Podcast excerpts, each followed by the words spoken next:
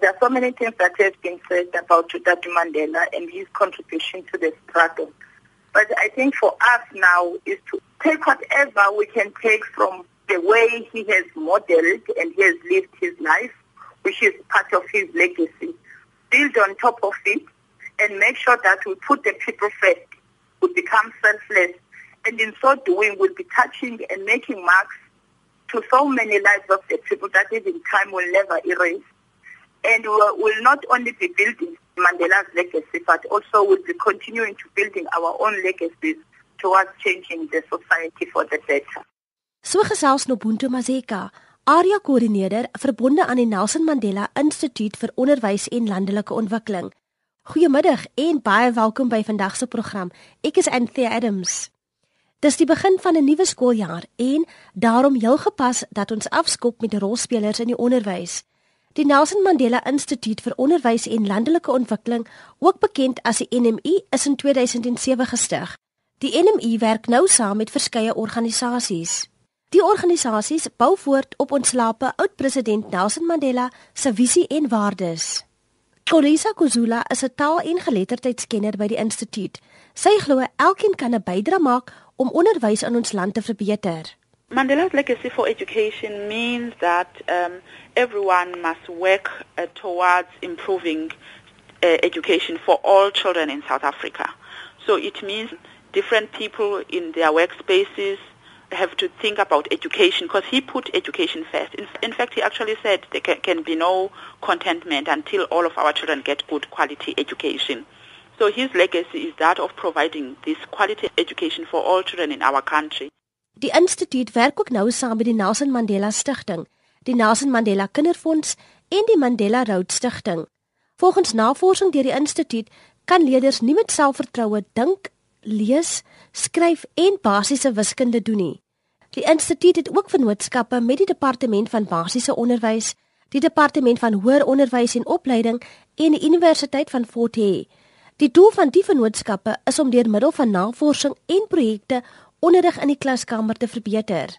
Our main aim is to create classrooms that work because we know that many of our schools have been very dysfunctional and therefore nothing working in the classroom. So we wanted to create classrooms that work. We want to create bilingual classrooms, classrooms that promote both mother tongue and promote English learning. Die NMI poog ook om onderwysstandaarde te verhoog. One of the biggest aims, I, I guess, also because schools had given up on children and they were saying, um, our children, you can't do this with our children. Our children cannot do this. So we wanted to raise the bar for the African child to show that even if a child comes from a poor family and even if a child comes from a home that doesn't have books schools can be able to raise the bar for that child and give quality education to that child and raise expectations of what our children can do.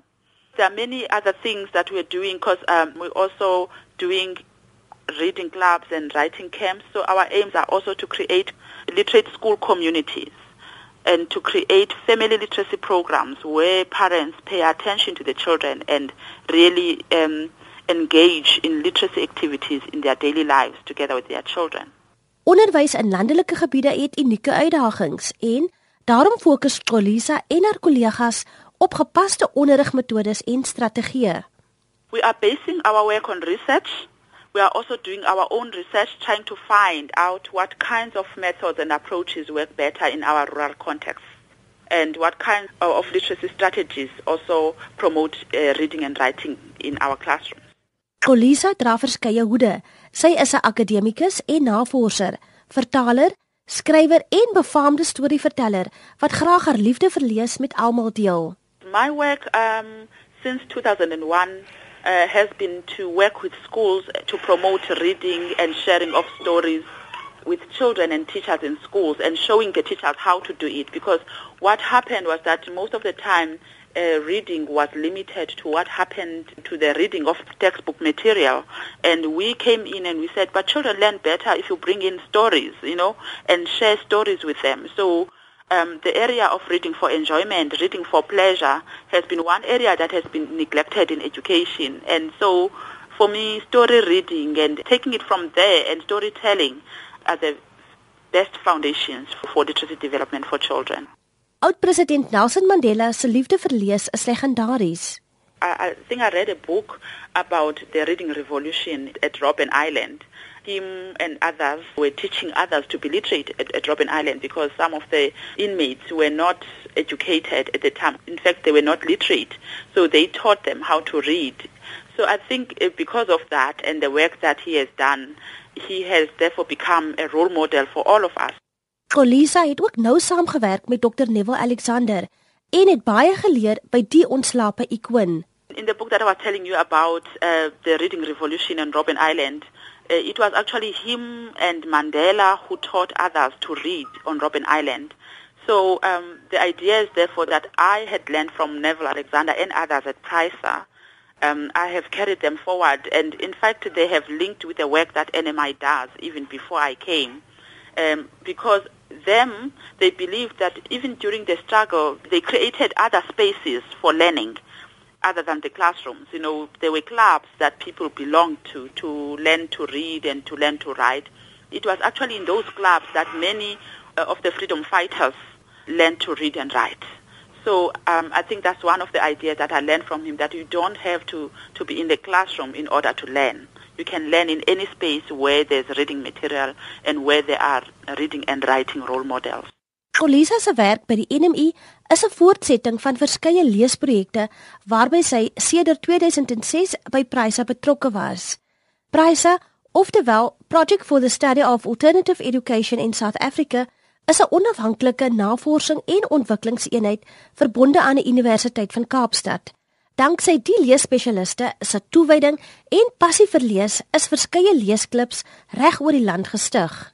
We set up a, a, reading club in Langa in 2006 because we realized as much as we worked with schools and tried to, to promote reading for enjoyment, schools were not always receptive of these ideas because they wanted to chase the curriculum. They wanted to finish what the department was telling them to do. And sometimes when they saw us coming to coach them and to help them implement the ideas in school, sometimes they would see it as kind of a informal learning situation and they are so used to direct instruction and formal uh, teaching situations, it was hard for them to become just spontaneous and choose stories and read with children. And also the department at the time was trying to close down or limit NGOs that were going to schools. 'n Ubuntu ingesteldheid het verseker dat Dr Neville Alexander, voormalige direkteur van Pryse en sy span 'n alternatief vir leerders bied. So we wanted to create literate school communities because uh, we believe that um, if parents aren't doing it properly at home, if they are not telling stories and sharing stories with their children at home, and if schools are also failing our children, therefore there must be other spaces. You know, Neville always believed in alternatives. So we said there must be another alternative. And so therefore we saw the establishment of reading clubs as community reading clubs now as an alternative to some family literacy projects because not all children have parents at home. Not all parents have the time to read to their children. So therefore we established these community reading clubs. So we take forward Ubuntu to the community so that the children and the people who facilitate these reading clubs start thinking about doing something for someone and believing that it takes a village to raise a child, not just one person.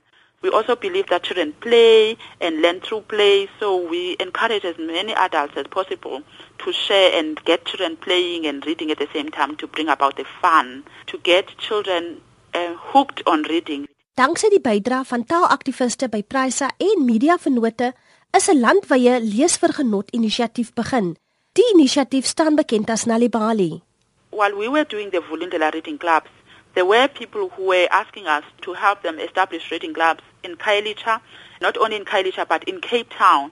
And some people came from different provinces. Even the people here at Nelson Mandela Institute, they came from East London, Dizana and Mqanduli. They went to Cape Town to see what we were doing there. And at the same time, it was a difficult time for PRAESA because we were looking for funding so that we could continue. And this is how we then started to write proposals to take this work forward. And luckily for us at PRAESA now, we got uh, funding from the DG Murray Trust to start what we called um, Nalibal, which means here's the story. And the idea now was to spread what had started um, as Vulindlela reading clubs and spread it throughout the country as Nalibali reading clubs. And all the clubs were to belong to now to a network of reading clubs. Dit dan taal en geletterdheidskenner Kolisa Guzula. Sy is van die Nelson Mandela Instituut vir Onderwys en Landelike Ontwikkeling. Jy kan Nalibali kontak deur Ntombi Mahobi te skakel by 072 281 2495. Ek herhaal 072 281 2495 of gaan loer gerus by www.nalibali.org. Vandag val die kollig op die Nelson Mandela Instituut vir Onderwys en Landelike Ontwikkeling, ook bekend as die NMI, en werk wat deur taal- en geletterdheidskenners by die instituut gedoen word. Een van die taal- en geletterdheidskenners, Kolisa Guzula, gesels oor hoe sy en haar kollegas geletterdheid bevorder. In Bizana, we do have family literacy programs running where Nobuntu, for example, visits families and sometimes trains and mobilizes the community and teaches them about the value of sharing stories with the children. But we also have the people in the community who, when we run our workshops, uh, teacher training workshops now, we don't believe that teachers should leave their classrooms unattended to. So each of our schools, 150 teachers that come, each of the teachers has to have a substitute in the classroom that looks after their children. So what uh, most of the teachers in Bizana have begun doing is to train the substitutes, usually people with matric who are literate in the community, and then they train them on what they need to do on the two days that they are attending training every term. And NMI pays those substitute teachers per day so that then they also benefiting uh, in terms of understanding how to help their children. Some become even interested in education and want to study to become ECD teachers, you know, to be involved in early childhood education. And they also benefit in a way through the stipends that they get. Nobuntu Mazeka is betrokke by die mobilisering van gemeenskappe. Sy werk met onderwysers, ouers en leerders en sê dat die NMI fokus op landelike ontwikkeling en landelike onderwys. That's the power of education to me as to the education has to liberate people and it has to shape the ideology of the people so that they can argue. The institute itself is trying to establish that interface between rural education and rural development because even if the education the children that are receiving is not serving that particular community, then what is it for? Is it the education for the market or is it the education to liberate people so that they could be able to stand on their own and start their own initiatives and defend such initiatives? Die NMI bemagtig gemeenskappe. We are quite aware of Mandela's legacy in education with the communities themselves because of the active involvement that they have been doing. Most of the times, communities are left out in terms of education because normally they would start the initiative of starting a school. Then the government will intervene in terms of employing teachers and run the administration part of it. Then there will be SGBs as community representatives. But such SGBs will feel disempowered at some point. So it is our role as Nelson Mandela Institute to bring that ownership of the education to communities in a more selfless manner that people will feel humane and feel their contribution being valued. Nobuntu glo dat as gemeenskappe saam staan, kwessies in die onderwys effektief aangespreek kan word. And I think those are some of the things that Utatu Mandela fought for. Instead of pointing an eye for an eye to other people, he just say what is the issue on the table and how as a collective we can contribute as to make sure that we are able to tackle any issue that comes across us.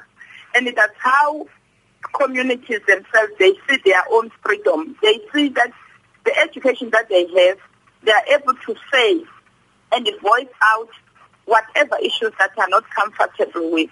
So for them, it's a matter of being passionate, develop love for the things that you believe in, and also come and contribute, and your contribution also should acknowledge that you have done something good and you are doing it for a good cause. Oud en jong kan 'n bydrae maak om onderwys in Suid-Afrika te verbeter. Sodoende kan elkeen voortbou op ontslape oud president Nelson Mandela se nalatenskap vir die onderwys. That's why as the NMI we call even all people into action that you can start by doing even the smallest thing We can read to our children every day before we go to sleep. We can encourage our neighbors to do so so that the children's vocabulary also grows and open up. We can read for children in clinics whilst they are waiting in the queues. We can read for children. We can read even to each other so that to empower us ourselves. Because that Mandela normally says education is the most powerful tool which we can use to change the world. So it's not only the education for the young ones, but it's the education for all of us so that we can be able to stand for the things that we believe in. So gesels Nobuntu Mazeka, area koördineerder verbonde aan die Nelson Mandela Instituut vir Onderwys en Landelike Ontwikkeling. Taal- en geletterdheidskenner Kolisa Guzula bevorder geletterdheid in landelike gebiede in die Oos-Kaap. We have writing camps three times a year during the long holidays. Like uh, on the Freedom Day, normally we will have a writing camp where we launch the children's journal that they wrote the previous year, but we start a new journal that will be launched the following year. So uh, in April, for example, we have a writing camp where children start anew writing stories, autobiographies, poems, and essays and they write and we follow the writing process, the stages of the writing process. So perhaps they would be drafting in that writing camp. And the second writing camp usually happens between either June 16 or 9th of August, which is another long weekend, where children now revise their work and make sure that it improves, uh, we improve the standard of their writing. And then the last one, we focus on editing. So they edit their work but also we normally linked their writing to what was happening um, around that public holiday. So there'll be freedom, and they would be writing about what freedom means for them, and they would be writing about what Youth Day means for them, or else uh, what Women's Day means for them. So their poems, therefore, are linked, but not they don't have to be linked on these days, but also it gave children ideas on what to write about. Leestegnieke is 'n belangrike komponent van die leeskampe as much as we focus on writing, but we also we do what we call strategic reading at the writing camps. And strategic reading actually means how do you read a difficult text and understand it? What strategies do you need to use in order to, to read and understand this difficult text? And some of those texts that children practice their strategic reading on are texts that we compile around those days about what freedom means. For example, this year we had a text on Neville Alexander and his language influence in the country. Leerders leer meer oor taalregte deur middel van geannoteerde lees- en digkuns. On Women's Day we had a text on the life of Miriam Makeba and the role that she played in our freedom. And so children get to engage with the different people's contributions uh, in the development of our country in various ways. So we decide each time what kind of text we want them to read. And then they engage with these issues of freedom, what it means to have a democratic state, what it means to fight for your language rights, what it means to respect other people's rights, you know. So therefore they engage with this. They don't merely take on what we bring, but they also interrogate them. And then they really empower themselves and address them through poetry, through stories. Die NMI se talle leesprojekte bevorder leerders se kreatiwiteit. Sodoende word toekomstige skrywers wat volg in die voetspore van Saul Plaatjie, Pieter Abrams, Albert Lutuli en Bessie Head gekweek. Both of them, uh, Nelson Mandela and, and Neville Alexander, what they wanted the best, I think is also one of the aims of the NMI, is to promote creative expression out of our children because many of our children are being silenced in schools through the ways in which they are being taught. So they never, never, ever, ever really realize their creative potential because it's either they don't have books and they have no reading and writing role models, so they never engage with anyone around a written word. So one of the biggest aims is to make sure that the children gain their expressive rights in the schools, that they get their own voice and own it. Die NMI het talle suksesse en net soveel uitdagings.